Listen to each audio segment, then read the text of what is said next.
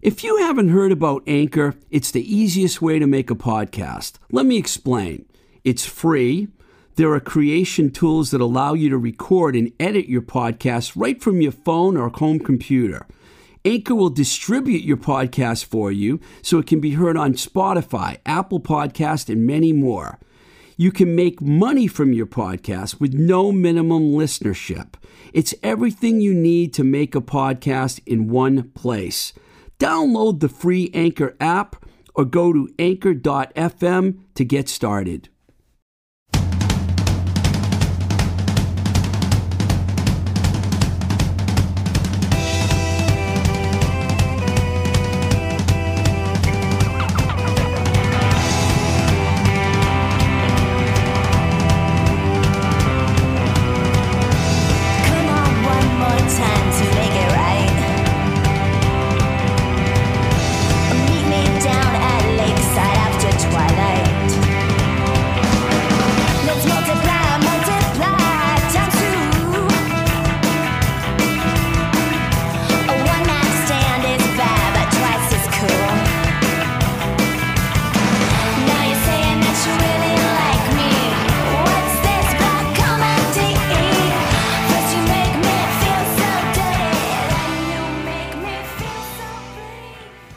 Episode of Blowing Smoke with Twisted Rico is brought to you by Baby Loves Tacos and their two outstanding locations in the Pittsburgh, PA area. The original hotspot in Bloomfield and their second location in Millvale, right over the 40th Street Bridge. Baby Loves Tacos, where everybody eats.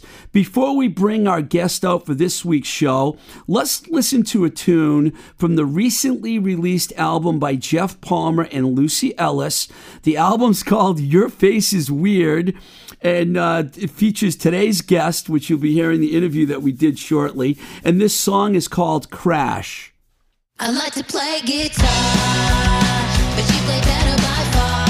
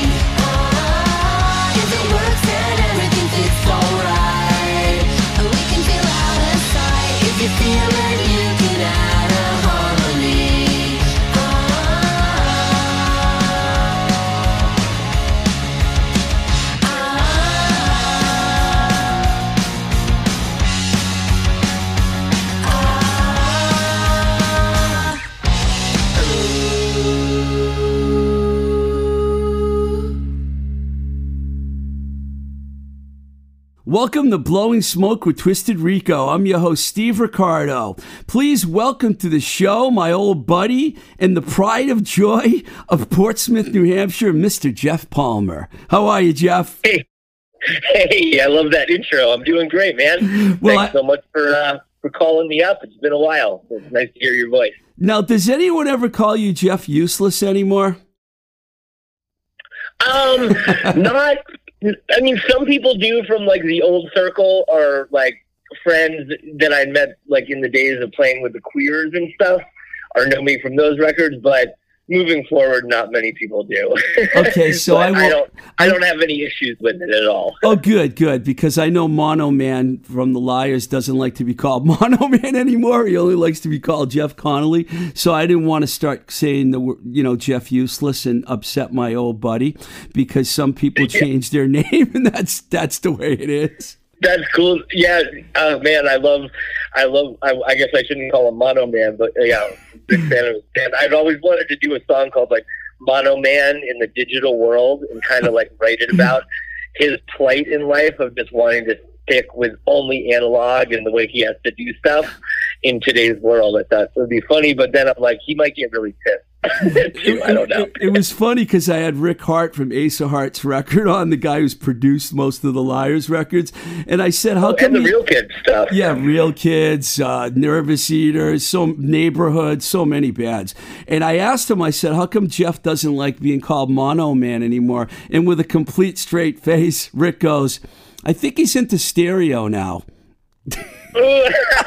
yes, that's awesome. So one thing I found out about you, and you might have told me this a while ago, because we were hanging out back around 2010, 2011. I used to see you a lot back then.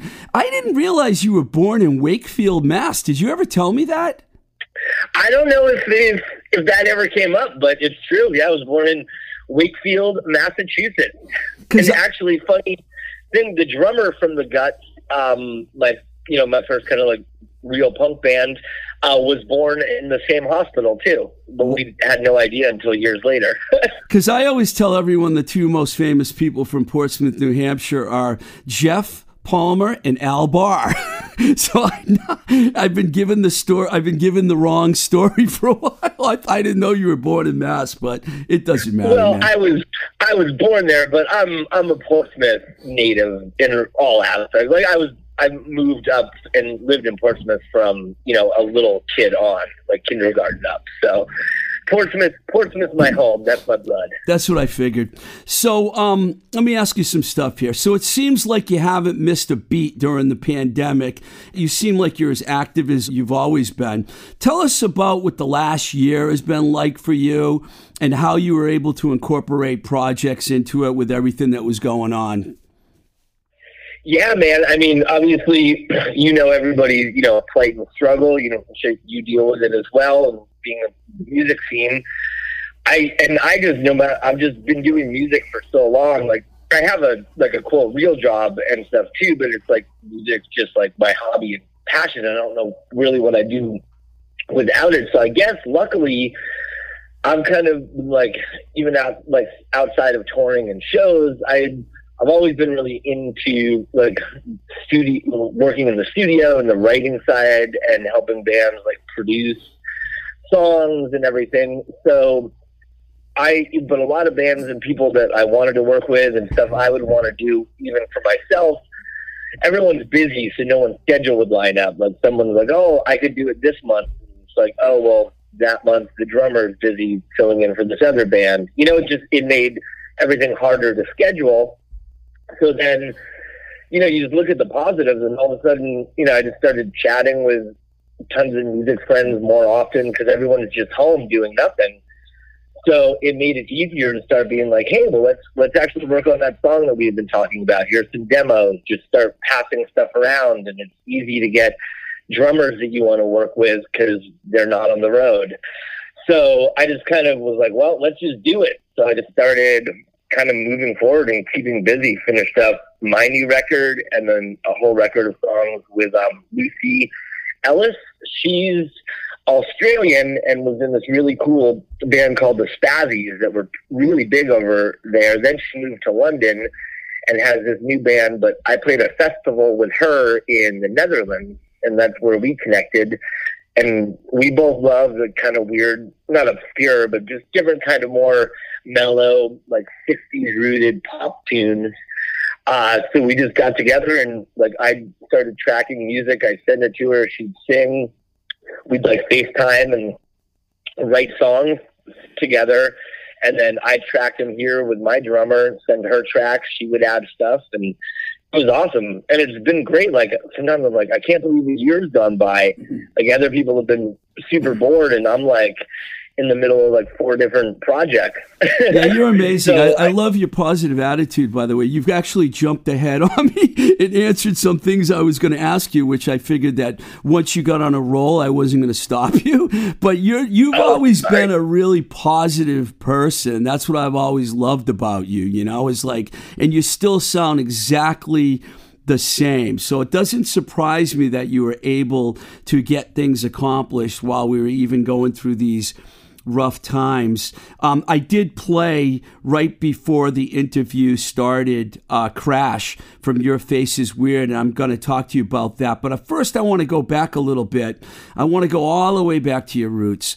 Um, it's just kind of a complicated question, but maybe you can break it down for me. What was it like for you in your early punk rock days when you were playing first with the Queers, then briefly with the Nobodies, and then your band, The Guts, which you have a great body of work with. I think that's probably one of your longest running bands. Maybe the connection caught up to that now. But talk to me and our audience about those early days and how you got involved with the queers and then how it transitioned into you working with the nobodies and then your own band the guts Sure, man. So, um, yeah, I mean, like growing up in high school, like I was kind of played in different, you know, bands early in high school and even before in like eighth grade and stuff. But then, of course, I found like the Ramones, and then, you know, I was kind of, and then Nirvana was out, so I was like, oh, is a bit of a changer.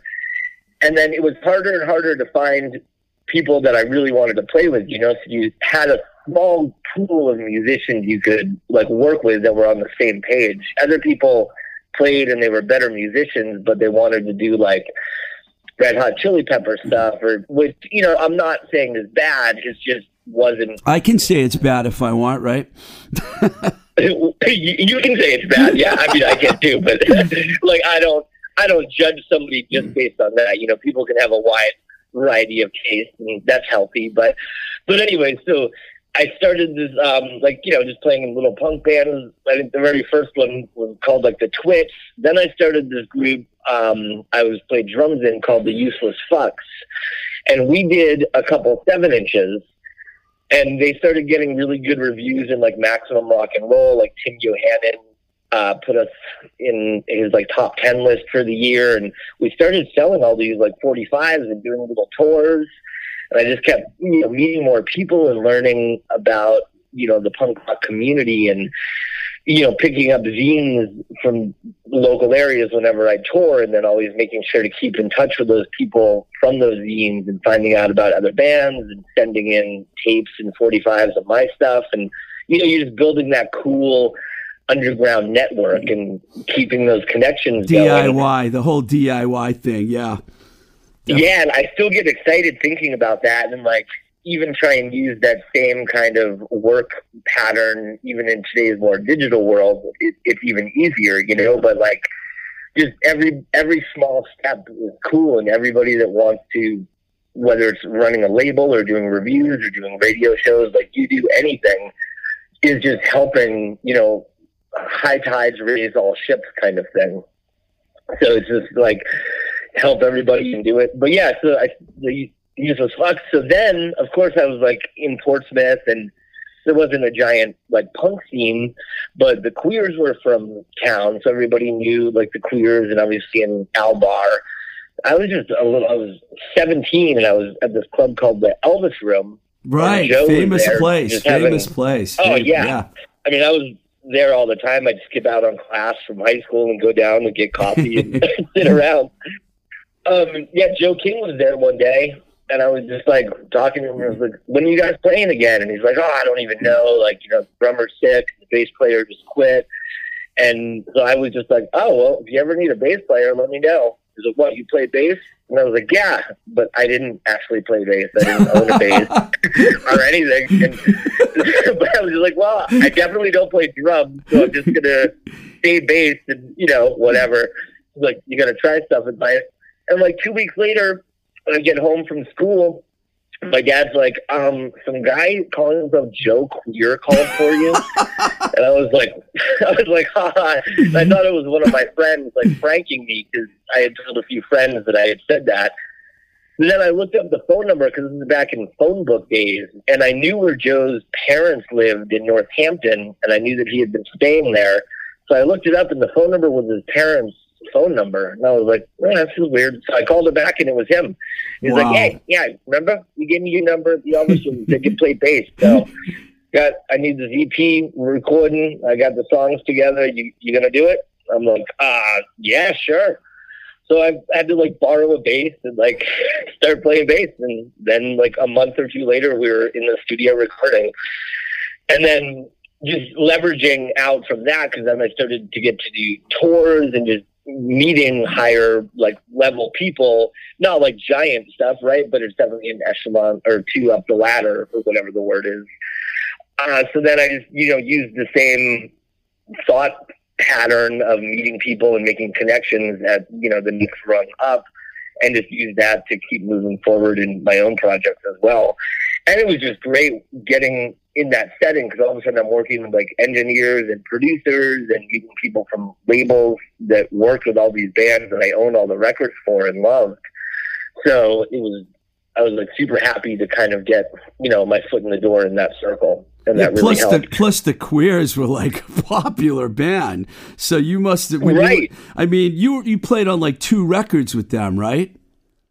yeah, I did like a couple EPs and then the Punk Rock Confidential album and then a bunch of different tours. Like I went to Japan, Wow. like Canada, like Mexico, like all kinds of like weird little quick runs. And you weren't Um, even you know, eighteen got- yet, right? Uh, when the record came out, I was 18, but when I first like started kind of tracking the songs, I wasn't 18. I was 17. Wow, that's incredible. So then you were briefly in the Nobodies after that. So that's the same thing. Yeah, the Nobodies, they were on Hopeless Records, which the Queers were on. They all knew Joe. So I had played shows like with the Queers and the Nobodies were playing. I just became friends with them. And then they needed a, they had a record that came out and something happened to one of their guitar players. He couldn't tour for, for it. And they were like, hey, man, do you want to play second guitar? I was like, hell yeah. So I Wow. flew out to Colorado and met those guys and we did this big tour with Guttermouth, who were a pretty good Yeah. band at the time. Very good band. Yeah, totally. So it was just another one of those, you know, you never know where you're going to end up, and you're not going to ever end up anywhere if you say no to things or don't just like take the chance. I didn't really know those guys, but I knew that we knew a bunch of mutual people and that they were a hardworking band, and I liked their music. And we had hung out and had beers, you know, a few times at shows and stuff. But I was like, what the hell? Like, how bad could it be to, you know, be in a band with these guys for one month? If it sucks, then after the tour, uh, don't talk to them again. but as it turned out, they were awesome, and we continued to be friends for a long time. And so that let that leads us up to the Guts, which pretty much was your first band that you were kind of like in charge of what was going on, pretty much, right? Right. So then, yeah, I've been like with doing tours pretty much for a year straight with the Nobody, using Colorado as my home base, and just flying home to see friends and family every now and then. Then they were kind of taking like a longer break. They had some like stuff going on figuring out what they wanted to do for the next record. So I came home, but I had kind of been, you know, writing songs in my head and just on my own just because I always kind of noodle around with stuff like that. And then I got home and I just wanted to keep playing. I'm like, well, these guys aren't doing anything. Time to, you know, get some shows together. So I came home. and That's when I kind of put together the guts with my buddy Nate Doyle and then Rick, who we had played around in, in high school bands together. And then it was fairly easy getting the band up and going because I had already met all these people. So it was easy to like, you know, make a phone call and be like, hey, I got this new thing going and have more of a chance of having someone be, you know, wanting to review it or get me in touch with somebody else from a label.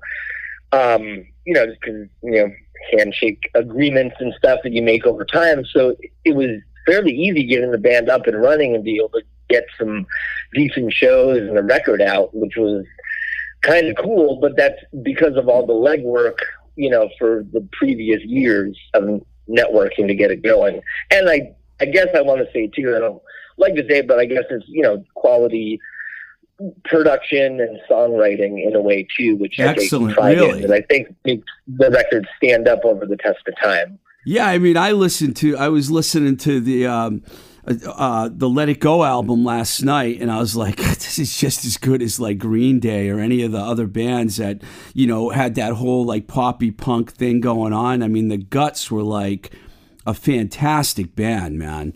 And uh, you know, I know you that you did that for what about six years or something. Yeah, we did it for uh, like a while, but I think like with the Let It Go record, it was just we all knew like what we wanted to do. The songs were kind of coming natural. We had good chemistry. We had just we had played a bunch of shows, so we were like really warmed up. So like the writing and rehearsal for that record was was really easy and just looking back like really fun. We were just all like laughing and having a good time. And I think that comes out in it as well and just the little skills and stuff you pick up over time from recording with other bands that are bigger than you and just songwriting tricks. Everything just kind of like fell into place, and the label sent us out to Wisconsin, and we went to Butch Vig's Smart Yeah, Studios. that's that was awesome, man. Tell us about Yeah. that. So that uh, we sadly Butch we didn't get to meet Butch. He wasn't around. We we worked with um, a different engineer. This guy Justin Perkins. He's now actually a pretty um, well sought after uh, mastering engineer. He just did like the new replacements box sets and weird like larger hip hop records. So he was the engineer for it, but it was super fun. We just drove out in the van and then we were at the studio just living there for the week and we went in and we were like rehearsed so we were, we got the basic tracks done super quick so then we had all this extra time to like play around with like layering other guitars and backing vocals and trying little piano stuff and just we weren't in any rush because we got the basic simple three chord punk songs tracked in like two days right so then we had like five days to, to mess around That's So it was- fantastic. it was super fun and like i definitely and then over time it's a fun i guess a different probably not one of your questions but the art of making records i guess in a way has slightly changed i miss because we used to just go in and be in a studio for x amount of time and that was like what you did and you left with a record and now things at least in like my circles have kind of changed where you go in you can like kind of get like the drum tracks done and maybe the bass. Then sometimes the guitar players will like do a rhythm guitar, and then people are taking it home and doing other stuff here and other stuff there, and there's all these other sessions. To explain that, to explain this better is- to people that are listening, you're saying that you would go in as a whole band and do it live before, and now it's broken apart. Is that what you're saying? Yeah, well, I mean, we would go in and like we everyone would be there, right? And Right. just kind of be living at a studio for a week or two weeks, and your life was making the record. We're now, I think at least in the in the smaller scale stuff like we do, bands will go into a really good studio, track drums, and you know maybe rhythm guitar or whatever, and then the bass player will kind of do the bass later on or at home and send tracks in, or like tracks start getting sent around, which there's pluses and minuses to it. And now I'm just accustomed to kind of this weird broken up recording schedule. But you don't really love that, though, do you? You'd rather be doing it the other way, right? I- definitely do miss the Right. camaraderie of everyone just being together. Even like, you know, the drummer staying for the whole week and a half or two week recording session, even though their parts are done in the first like four days. It's they're a member in a group and Right. a part of the team and family. So having them there is just good for the chemistry as opposed to just them like taking off. So I think, you know, just kind of looking back over the trajectory of like the way recordings that I'm a part of have been done, I do kind of miss that. But then it also opens up these other possibilities that it's so much easier to have other people work on the record with you instead of flying people in, you can just send a track to somebody, and a lot of people have pretty decent little home setups to at least be able to do a guitar solo or a quick backing vocal on something. I love that. I anyway, love. I totally digress, but that just popped in my head. It's okay. I love that you're still young because you're still really young, but you have like a old school attitude. But but you've actually adapted to the new way of doing things, which is pretty cool. I think. Yeah, I mean, and you you have to eventually, right? Because of like it's practical and just there aren't like budgets, like labels aren't putting up money to be in the studio for two weeks anymore. Yeah, So yeah, I know. You're kind of like you know, you're like, well, okay, this budget will get us like three days at a really good studio, so we'll get the in huge like drums, right? Getting a good drum sound super important. So get the drums done, and then you kind of start figuring out how to get the other stuff done. with funny the 'cause zero I- money you have left. I just I have an interview coming out. By the time this comes out, I'll already be out with Ruthie Morris from the band Magnapop from Atlanta, Georgia, and she was saying the Right. same thing. She's like, "Well, when we recorded with Bob Mould, we stayed at his house for a week, and then when we recorded with Michael Stipe, we were at his house for a week, and you know, and then we went with Geza X, and we were at his house for a week. That doesn't happen anymore. Now it's kind of like you're piecing things together, but the music still." You know, I'm also a fan of analog more than digital. You know, I like the two inch tape machines. I don't know about you, but Oh yeah. but you know, there's one down here at New Alliance. You know, and a lot of people don't use it because you know it costs like uh, 350 bucks to get a a tape. But the old school way, I still am a fan of that. You know. Oh, definitely. It's exactly. It, I am too. Like, if I could do it that way all the time, I would. But then the you have to just look, you know, at you know what's practical, how it's going to happen, and then at the end of the day, it's it's about getting your songs like well constructed, well produced, and then also mm-hmm. out too Right. for people to be able to hear and to see you can like move on to the next project kind of thing. So try and take the best of both worlds and mix them together until you find something that works. This is a good segue because now we're going to move ahead. I remember when I met you, it was around like 2010, 11. You were doing a cunt, like a cow punk kind of thing. You know, you kind of Yeah, changed. yeah. And then I was at, this, this is amazing, the first Connection show. I remember I was there. It was at, uh, um, what's that place up near the college there? Oh, geez, it's a big bar up in uh, Durham area. Oh, maybe the Stone Church or something. You know, I can't, One of rem- I can't remember the name of the room. I'm sorry. But I saw the first connection gig. You were going to do a solo show. I had put a show together. And then you said, Is it okay if my new band, The Connection, plays? And I'm like, Yeah, sure. Now, you, The Connection ended up doing a lot of stuff and you guys worked together for a while is the band actually still happening or is it on the break or what's going on with the connection Okay, so real, I'll I'll get into that once again. I just wanted to say it's funny because in my um in my music room, my I have my basement like built out where I have keep all my stuff, but I have framed hanging on the wall the very first ever connection interview, and it's um slash review, and it's with you. It's from the Yankee Shopper, July fourteenth, two thousand eleven. yeah i remember that Ricardo. I have it in a frame up on the wall. I remember that. I was I uh, rock and roll road stories. It was a column I was doing regularly back then. I totally remember. Wow, thank you for framing that. rock and it's actually rock and roll buzz. It has a little bumblebee flying. Oh yeah, yeah, But, I um, did the rock and roll buzz column. I forgot about that. Wow, you know, you remember. You have stuff that I don't even remember. But you know, Yeah, yeah.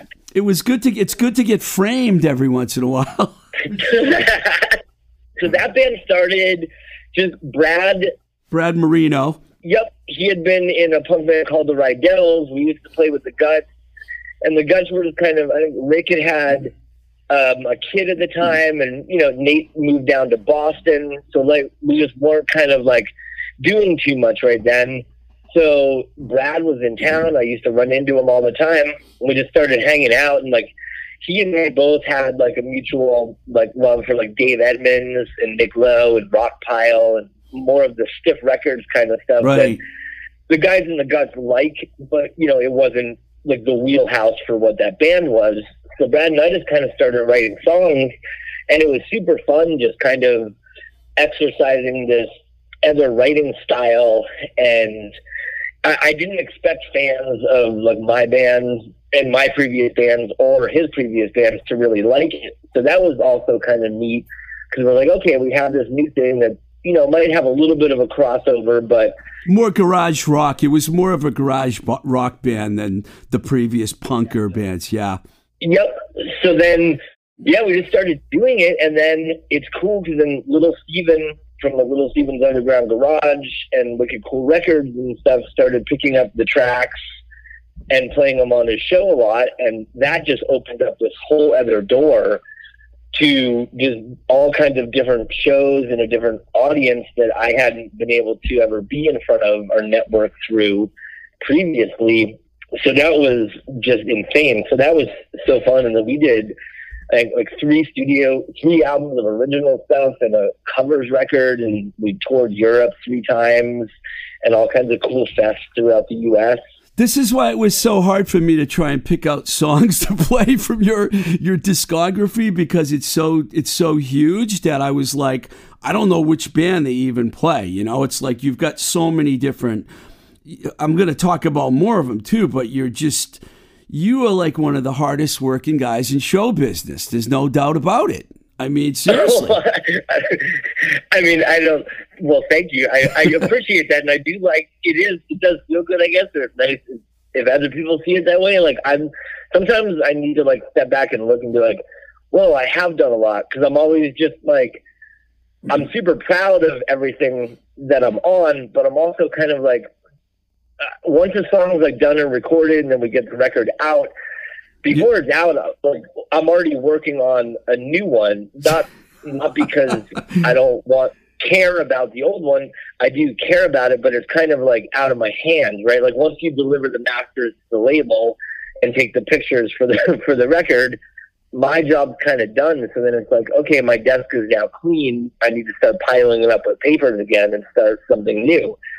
Otherwise, I wouldn't know what to do to keep myself sane. You, you're, like a need like machine, the- dude. You're a machine. Uh, Listen to this paragraph that I wrote down here. I wrote, You also put out a lot of solo stuff on various labels. You're like a machine. Plus, there's the new Trocaderos, Kurt Baker, Wimpy and the Medallions with the great Wimpy Rutherford, who I believe was the first singer of the Queers, right? that is true. Yep. And now you got a band called Cupid, which I haven't even gotten to yet. I don't even know how I'm going to get to that. I'm still trying to catch up. How are we supposed to keep track of you in all these projects, man? It's like amazing. I mean, Yeah. you're on so many records, man, that I it's like you you are just a, you're a machine, man. I mean, I don't know what else to call you.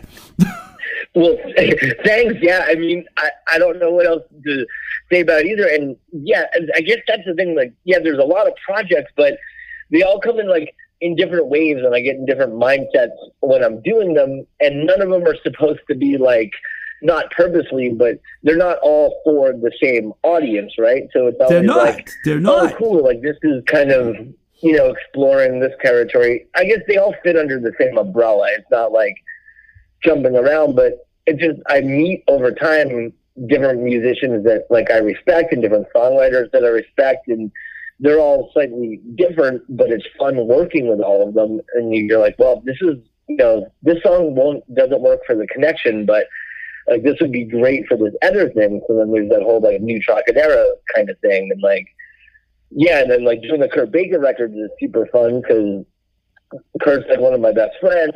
You guys are great together, man. You and Kurt, no doubt about that. You and Brad Oh, too. You know. Yeah, it's like we're all like the same but slightly different. So it's neat just seeing somebody else's point of view on a song and where it should go, or a harmony, or any of the production type stuff. Different people bring out different qualities in it. I think. Bef- So, before we talk yeah. about yeah, before we talk about uh, the the project that you did with Lucy, because that is just phenomenal. Tell me about you. You've worked with a lot of different producers. You've worked with a lot of different labels. It seems like a lot of stuff lately you've been doing with Lou over at Rumbar Records. Um, talk talk to me about the different producers and the different labels and who you like working with and why you you know who you like to go back to and and that whole process because you you seems like you have a lot of choices you know what i mean Yeah, I guess the choices come come down to like kind of what the project is, and then who it is. But I will I will say you mentioned Lou and like Lou and Rumbar Records is, I, I mean, you want to talk about somebody with a passion and a work ethic. Yeah. That guy. It's like every every week there's some new release from like sometimes it's a band I've heard of, sometimes it's a band I, I haven't heard of, and I'm like, how does he even have the time to like listen through and do all this. It's crazy, but it's all good, right? Because he's just so into like giving bands a chance and working. So I love working with Lou, and Lou's great for like. It's weird, like um, that CDs are still really popular in some corners of the market, right? And Lou like has that market locked down. So Right. no matter what project is, I usually talk to Lou about the CD pressing of it. Um, because then there's this label I've been working with that I also love, but they focus more on vinyl. They're called Stardumb. They're from the Netherlands, and he's just he's like um, a European Lou. It's the same thing, but it's oh god putting uh, there's another as- lou that's hilarious in, in a really good way. All, all the good. i love lou man so you don't have oh, to me too. yeah he's a good guy But like you know, vinyl. There's the for the pressing side of it and the distribution, and if you're doing it professionally and correctly, you know, there's more cost to it. So he's not like every week putting out a band, but he does small, you know, less bands, but he does it really, really well, and only bands he likes to work with. So I I've been so happy and fortunate that I got involved with him. Um, and he also knows Lou too. So when you team the two of them up together for a release, it's really cool. And like they're just super passionate about it and, you know, take it and run with it. Yeah, I, I, I admire the the way that you've been able to like juggle. I guess juggle's a good word. All these different projects, and none seem to ever interfere with the other. Like I've never heard anyone say a negative thing about Geoff Palmer or Jeff Useless for that matter. You know, you you you work well with a lot of people, and I really admire that. Now, the last thing. I think the most recent release, I don't know if anything has come out with Cupid yet, but the last release I think that you put out was your record Your Face is Weird with Lucy Ellis. You started to talk about it at that at the beginning of the show. I am fascinated by that project. It's there's two originals and then there's a bunch of great covers on it. And you guys seem to sing together so well. That also came out on Rumbar uh, Records. Tell tell go back a little bit because I know you mentioned at the beginning you guys met. I think you said in Australia. Oh, we met in in Rotterdam actually, and we played this festival on a boat together um, with another band called the Yum Yums, who are the Yeah, I've heard of them, European band too. So it was um, me, Lucy and the Rats, and then the Yum Yums. But yeah, so that I'm super pumped that you like that project. That was definitely one that like I was like, well, I don't know, you know, we'll see who likes this or not, but I really like it. And the vinyl is on Stardumb, and then Lou did all Lou did the um the digital and the CDs, so which is so cool. And I've been so surprised, happily surprised with the response from it. People seem really into it because I was like, it's really different from either Lucy's stuff or my stuff, and it's more mellow. And you know, sometimes you run that line and people being like, "Oh, I thought this was going to be punk or something," and it's and it's not, and that's fine. but um, that was yes, that was the very beginning of COVID, I had always like even from back in the Guts days, I had wanted to do that John John Prine, Prine song in spite of ourselves, and it just it never flowed with the Guts, and we never really knew the right kind of girl to ask to do it, and it would have been really out of place. So I just wanted to do it forever, and I was a hu- I'm a huge fan of Lucy, and then after we met at that festival, we just like kept in touch, and we're both on Stardumb Records. Um, so it was kind of easy, and I just like wrote to her one day, and I was like, "Hey, like you're just at home. All, all her shows have been canceled. I was at home, and I was like, I have I've always really loved this song, and I want someone to do it with. Would you Would you want to do it?" She's like, "Are you kidding?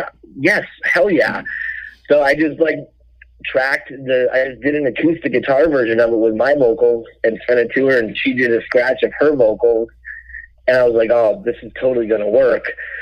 So then my buddy Zach and I, he plays drums, we got together and actually tracked the drums and guitars and then sent her like the actual backing track and then she did her vocals, I did mine.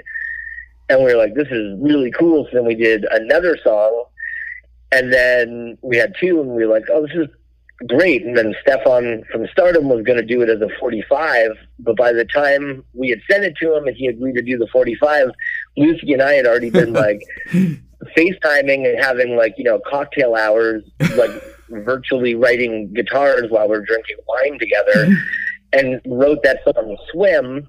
Great song. I've played that on my uh, sister radio show twice already. I love, I love that song, "Swim." It's a Thanks. fantastic. Thanks, thanks, dude. Yeah, that one that came out so weird because I was on um, my friend Kurt Baker. Him and his girlfriend called to um, to wish Jackie. Uh, no, was it Jackie's birthday? I forget what. I think it was maybe my birthday. Hi, I Jackie. know, I, love Jackie, by the way. Jackie's awesome. Hi, Jackie.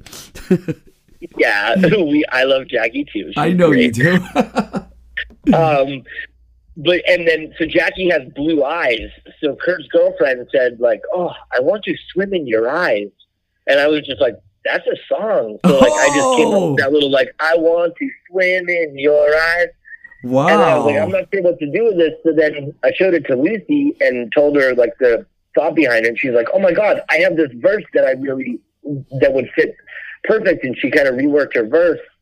And then we then I showed it to Kurt, and Kurt came up with this melody mm-hmm. just right on the spot for the what turned into the chorus. But then Zach, the drummer, wrote the lyrics for the chorus.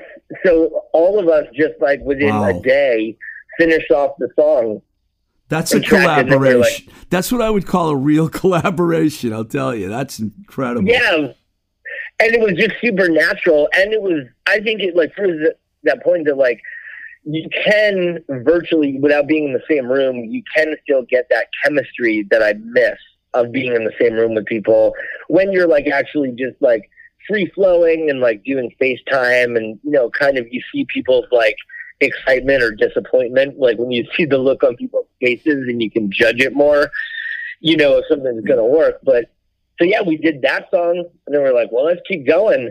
And then before you knew it, we had like six more songs, and we were like, then we're all done. And then it turned into uh, it's a ten inch vinyl release with the eight songs, like four on each side, and the eight song CD. So we were like, wow, this is really cool, and we like totally did it just because of COVID. So I mean, not that there's any uh, positive in COVID, but if you always need to look at the positive and the negative. Like you always are. You're Mr. Positive. That's what I mean. That that's that's your deal.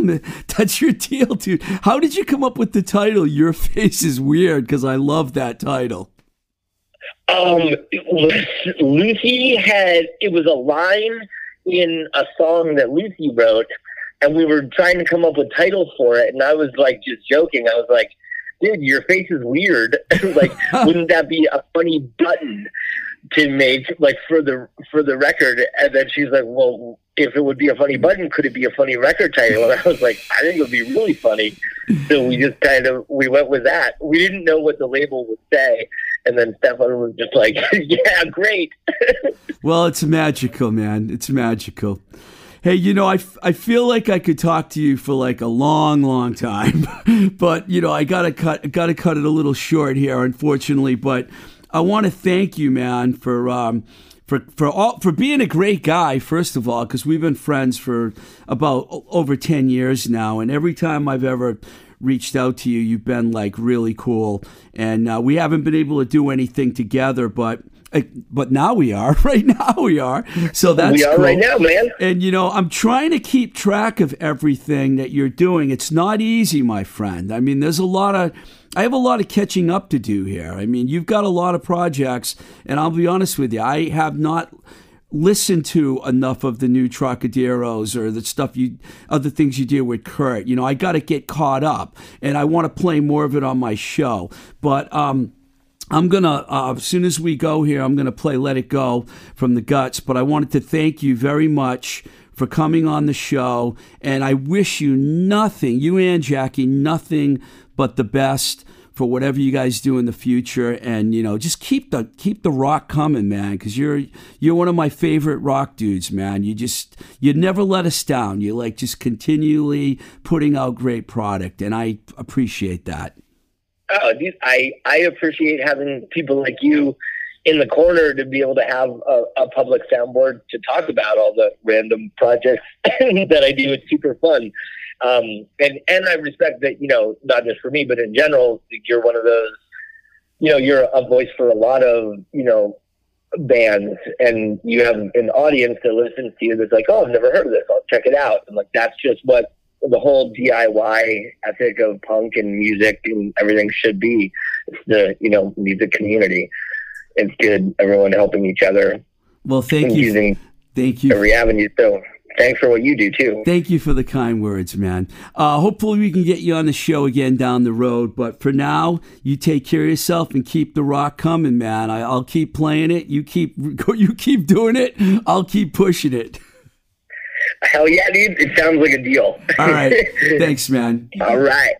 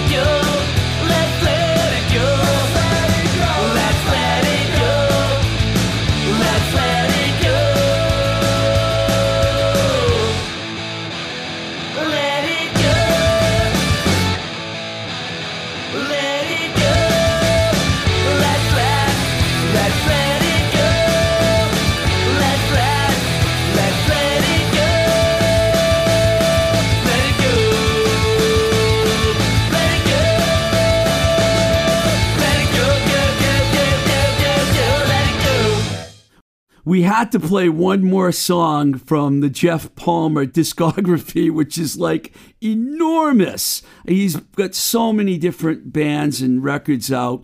The song you just heard was Let It Go from the album of the same name by The Guts, who I'd have to say are probably one of my personal uh, favorite bands of. Uh, Geoff's, although I really do like this record he did with Lucy Ellis as well. And, you know, it was great having Jeff on the show. And once again, thank you to him. Um, we have a lot of great shows coming up, including interviews with Curtis Casella from Taang Records, Bob Mayo from Wargasm. Uh, and a really special show with our old friend James McAndrew from Milquetoast and Company. And I was talking to uh, well known Boston fashion designer Sibylline Siriano, who's opening an art gallery in the south end of Boston. She's going to come on some of my shows, maybe, maybe more than one. We're talking about it. And I think having James and Sibylline on the same show together will be truly fantastic. So naturally, we're very excited about all of these upcoming cool guests. And please also check out the Twisted Rico radio show, which is now available everywhere. So you can listen to a bunch of great songs from the Twisted Library every week. And, um, as I always say, please check out our Patreon page at patreon.com forward slash twisted rico. And if you want to reach out to me, as a lot of people have been doing, which I love, and sending me music especially, I love getting music. If you're in a band or a label and you have music, twistedrico at gmail.com. Last week, I was blown away by how many songs that I got and how many drop boxes. It's incredible how much great new music is out there, and I'm I want to get my hands on all of it. Uh, you can find me at Twisted Rico on Instagram and Twitter, and also there's a Blowing Smoke Instagram page, which is still relatively new. At Blowing Smoke with TR. There's also Facebook and uh, we're everywhere, you know. So until the next time we say goodbye, this is Blowing Smoke with Twisted Rico. I'm your host, Steve Ricardo. Keep the rock and roll alive. Take it away, the charm's so pretty.